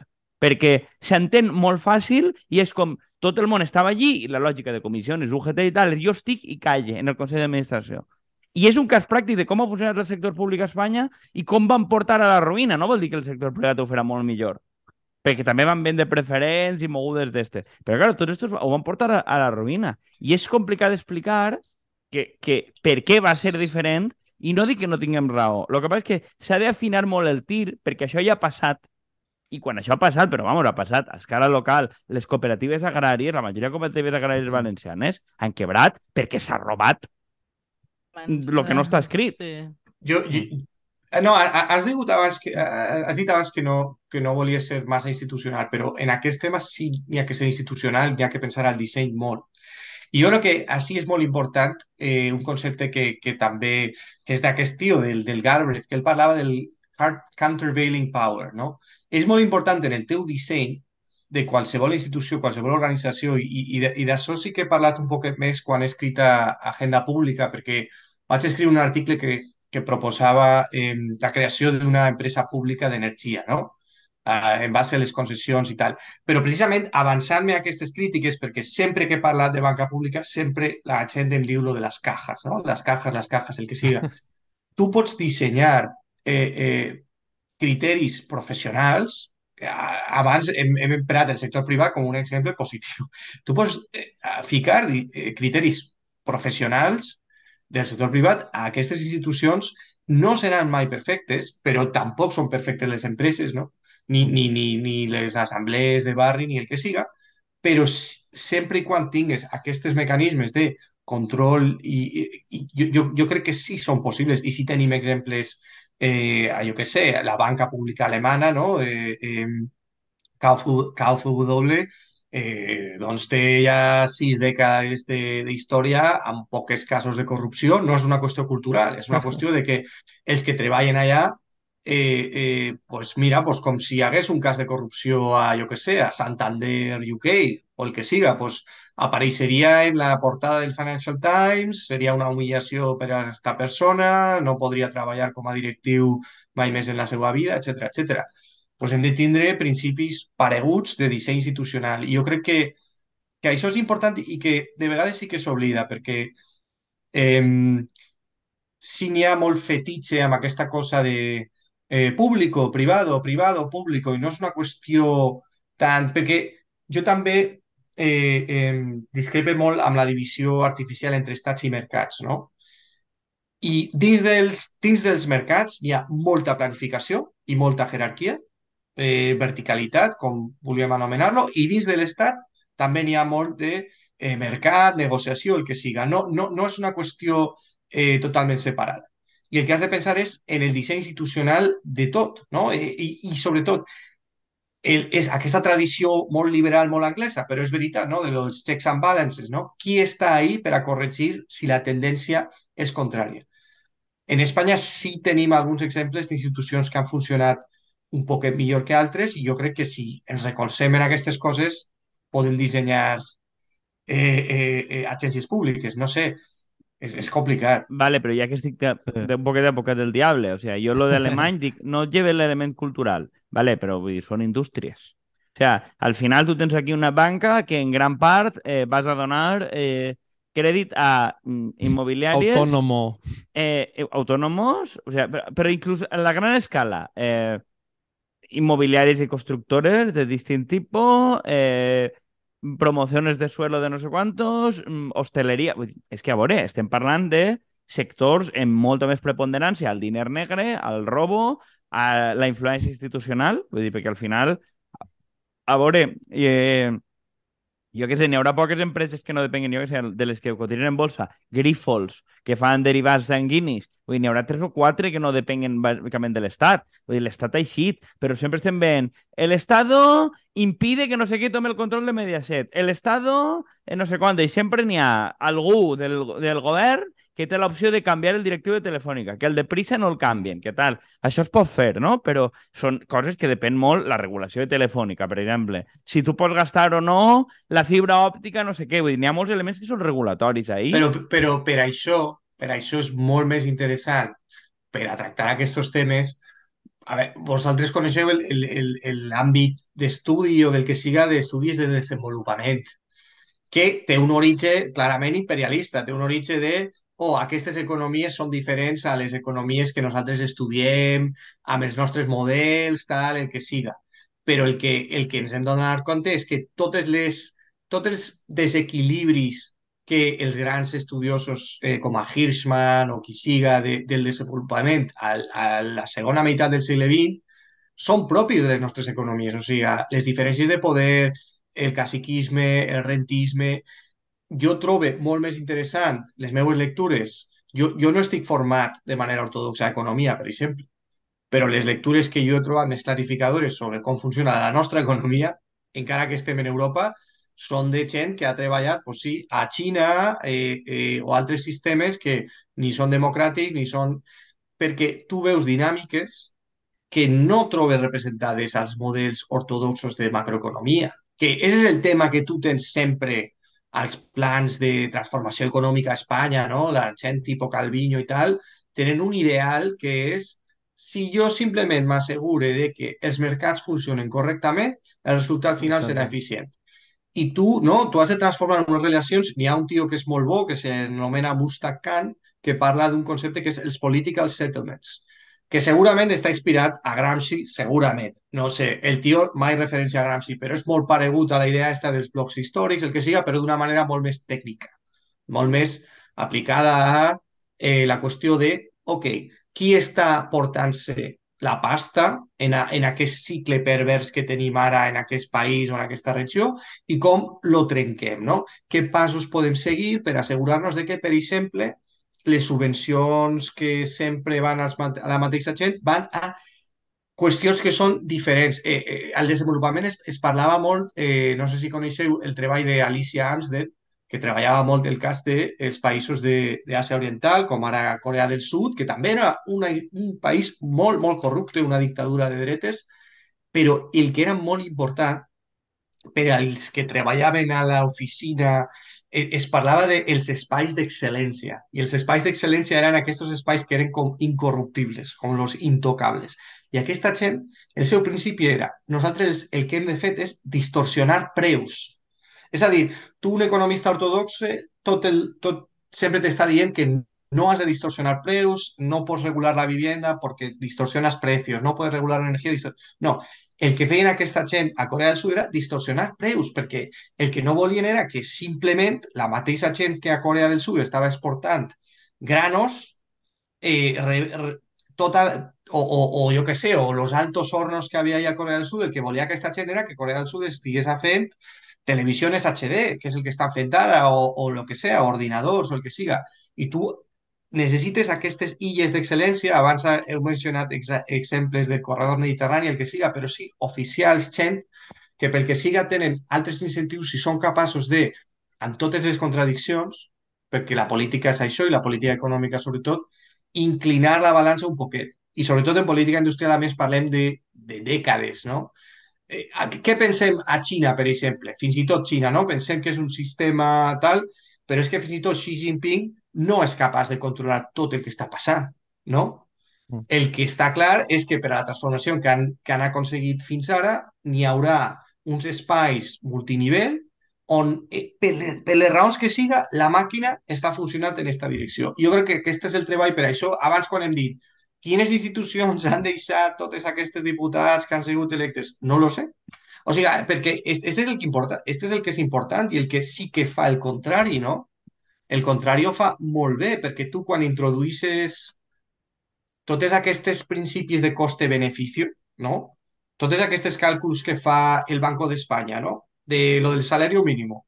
Esos son unos principios que ellos se inventan, però que són concepcions de gestió política. Tu necessites tindre les, les, les mateixes eh, eines quan tu estàs al poder. O sigui, ara estem fora, ara no sé, però...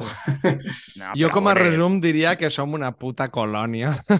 Però el tema és de... Tu xerraves bueno, de desenvolupament, però és que som... Contra- Sí, és no, que però- Queda. És el que per queda, això- una estructura, i damunt Sí. que dona la sensació de que tenim un cotxe fet per la penya, perquè com Franco va estar 40 anys dissenyant aquest cotxe, pues nosaltres som... Vull dir, l'estat és un cotxe que a la dreta li va de puta mare i que tu no saps canviar la marxa i, i és perquè està dissenyat per altres. És que som... Vull dir, l'esquerra jo, jo diria No, que i que, i, està falca, i que està falcat per de costat. Però que, Sí, sí, eh, de tota totalment. manera, ni el que diu la dreta, vull dir, és, del, co- és de la motxilla austriaca, el contrato único, eh, politicón i tots estos. A veure, això primera, siguem una cosa, estos no han aconseguit absolutament res de lo que van plantejar inicialment, però tots s'han col·locat a treballar. Vull dir, és que és un exemple perfecte, eh? Vull dir que tu... Eh, estan tots treballant en la tele, no sé quant, han treballat en partits, no van aconseguir absolutament res.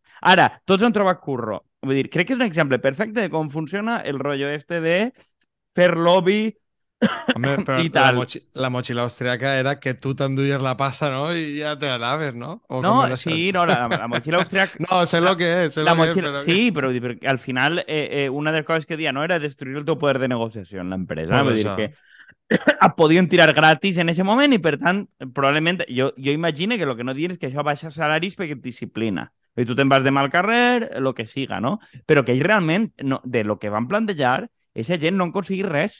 Vull dir, però tampoc és d'agenda pública. Vull dir, això no, ja No, gent no. s'ha col·locat a treballar i als mitjans i ja està.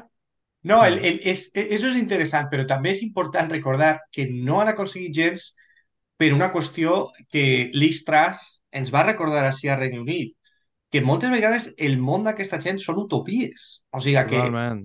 que no... Per, per això m'agrada, eh, de nou, la, la, la literatura que va de països en desenvolupament, perquè són situacions en les que tu estàs reconeguent tots els obstacles que tens, el capital internacional, eh, la teua, la, eh, la moneda que tingues, no? En aquest cas eh, tenim, no controlem la nostra divisa, no? Eh, totes aquestes qüestions que molts països que estan en desenvolup- en desenvolupament s'estan enfrontant tots els dies, doncs per a l'Istras i per a los quatre il·luminados que tenim a, a, a, a, també a Espanya, no són problemes perquè amb els seus models no, no computen, no? I jo és una cosa que també eh, eh, crec que s'hauria de repetir molt més, que el, el tema con Ayuso no es que Ayuso sea muy mala, muy mala, muy mala, no, es que no funciona el model, ya está. Yo para mí Mm. sería, ya sé que no funciona así la comunicación política que siga, porque es una, es una presidenta de, toma y- de tomo y lomo, mayoría absoluta, lo que siga, ¿no? Pero sería, es que no, no es seriós, ¿no? Debatir amb una persona así, No, no, no... Lo, lo que dia Kiko, que dia, els teus se l'han pegat, els teus, com volen dir,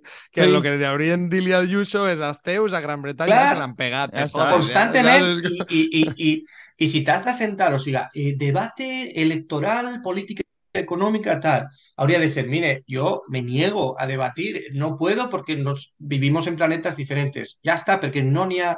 Perquè podem dir moltes coses d'altres actors polítics, el que siga, però jo què sé, eh, eh, si vius en un món de fantasia, no, no, no, no sé. I, però, però jo penso que està un poquet unit a aquesta cosa de l'esquerra de la selecció adversa de persones que no presten atenció a les idees o, o a, la, a la teua teoria de canvi. No, no pensen, jo no soc expert en altres temes, però de, en aquest cas, canvi estructural, canvi de la teua estructura econòmica. Si no tens clar a on vols arribar, tampoc pots confrontar i el teu... I inclús tenint-ho al final xoques en algo material, perquè tu vas a tindre l'Estat, vas a tindre, vull dir, millor exemple és Xipres i Varoufakis, vull dir, esta gent no sabia de lo que parlava, arribes i tumba. Vull dir, que al final el, el tema també és que, que has de saber que l'altre també juga, no sé, i, i Vale, Però, per, també per, re me recordava un poquiu també en el que li va passar a Podemos, no? que és en Liz Truss li ha passat això i ningú li ho ha tirat a a la puta cara perquè estaven tots preocupats de la última Sí. tonteria que diu ella i en el seu moment se li va tirar tot a Podemos de que mira el que hem fet a Grècia, saps? No, jo per que anar, igual- per anar tancant, i, i, m'agradaria una miqueta que, que Roy fes un, o sigui, una valoració cara a futur, no? Quan tot apareix com superfosc o tal, i, i és discutible, però que, que crec que va, va una miqueta en el que estàs dient tu ara, Juan, de que, bueno, eh, lo que se le dit, o sigui, és que Ayuso i companyia se'ls planteja com si foren una reencarnació de Mussolini Mm. no una senyora que li lleves el pinganillo i no sap què fer. Vull dir, és que el tema de que Exacte. tu, tot el teu discurs siga cuidado, a veure, també perquè n'hi ha una legió de periodistes experts en extrema dreta que viuen de generar una alarma constant de l'extrema dreta ve són els nous nazis, ja està aquí Hitler altra volta. Vull dir, pues, escolta, igual no, no tenen... És que ara els estem donant una mística a esta penya increïble que diu, a veure, que el millor que tenen per presentar és un torero.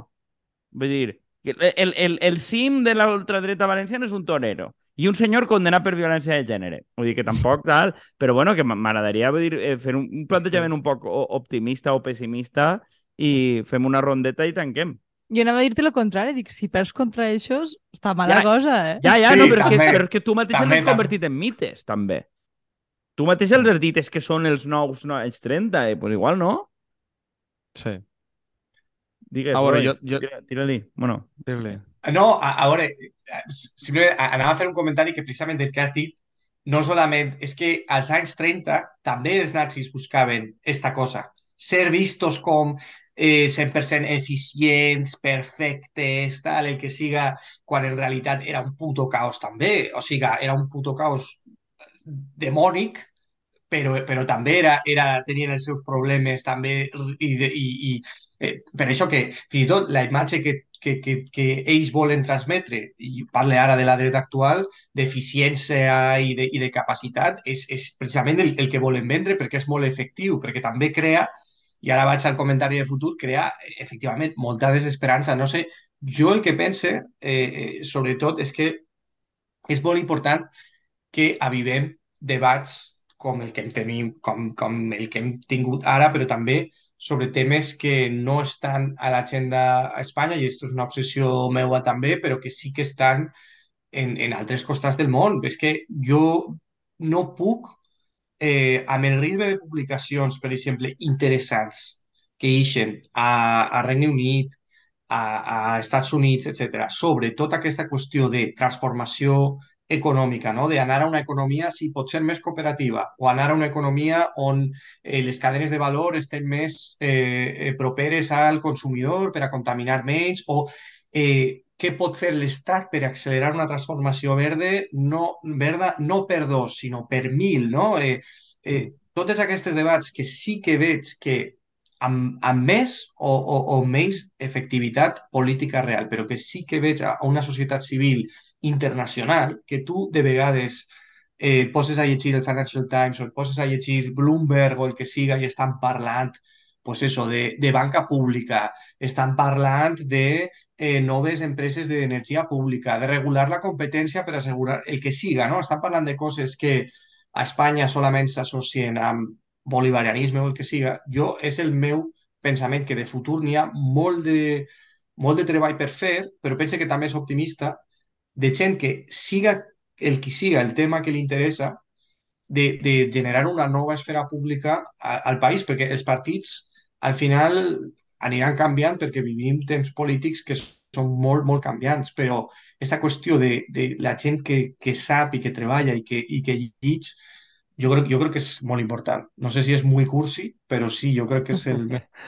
I simplement perquè és un projecte interessant. Perquè és interessant perquè jo crec que eh, la gent pot trobar el seu nicho. A mi m'agrada molt la política industrial i és una cosa molt de friquis i tal. Jo crec que tot el món pot trobar una cosa que, oh, esto és interessant, tal. I per què no parlem amb aquest punt de vista? Per què la tertúlia de la cadena SER sempre està parlant de la mateixa cosa? Per què eh, el pobre Wyoming de l'intermedio, que és l'únic que queda d'esquerra ja, no bueno. puede ya ni responder, jo que sé, el que siga, no? Eh, eh, per què no n'hi no, no, no ha una...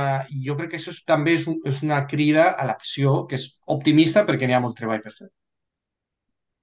Jo diria que, bueno, no, no, pessimista o pessimista, que contra el que te vote chapote és complicat clavar tants matisos, eh? Vull dir, perquè és com un tema emocional i molt directe, el qual crec que té raó en general, però queda molta feina per davant.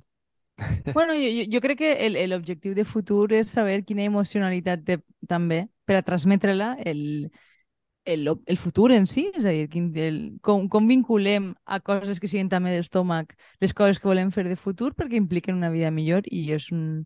O sigui, crec que també ens fa falta saber com comunicar això i que no només pot estar a l'abast de, de gent que està en l'acadèmia i que està en continu debat en aquest tipus d'idees. I bueno, I què fem? jo, no, jo l'únic que volia dir ara és que en queden el que va dir també na Yara, que per una banda mos fan falta idees i mos fan falta moltes coses de, de, pues, de repensar i de debatre, sobretot també amb gent que no pensa com nosaltres, però que sobretot el que fa falta és que fem alguna cosa. Vull dir, ja està bé de, de... Trobo que hem passat molt de temps com plantejant-nos eh, qüestions o a lo millor perquè s'està governant o perquè cada un està en el seu projecte individual, però que el que fa falta és ja fer coses i intentar-les i xirar mal i després provar una altra i així i lo que dia el Linera este, hasta que hasta, pues hasta caerse y levantarse hasta que lo que toque, ya está.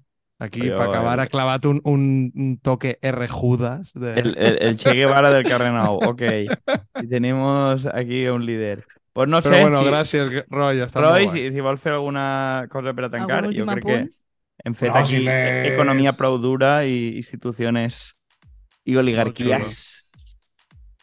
No, no, si és que no sé si he sigut clar, eh? Pense que, que he parlat de, de coses espacials o el que siga, però no, sí, sí, molt, molt interessant. No sé el que... Sí, sí, sí, molt, molt interessant, no, no tinc, no tinc res que afegir. Vale, sí, sí. pues, ok. Pues bueno, L'han deixat va. en el cap fregit, pobre. Pa'lante. Roy, ja, Pa'lante! ja no li deixem fer res. Vale. Ale, adeu. cuideu-vos, adeu.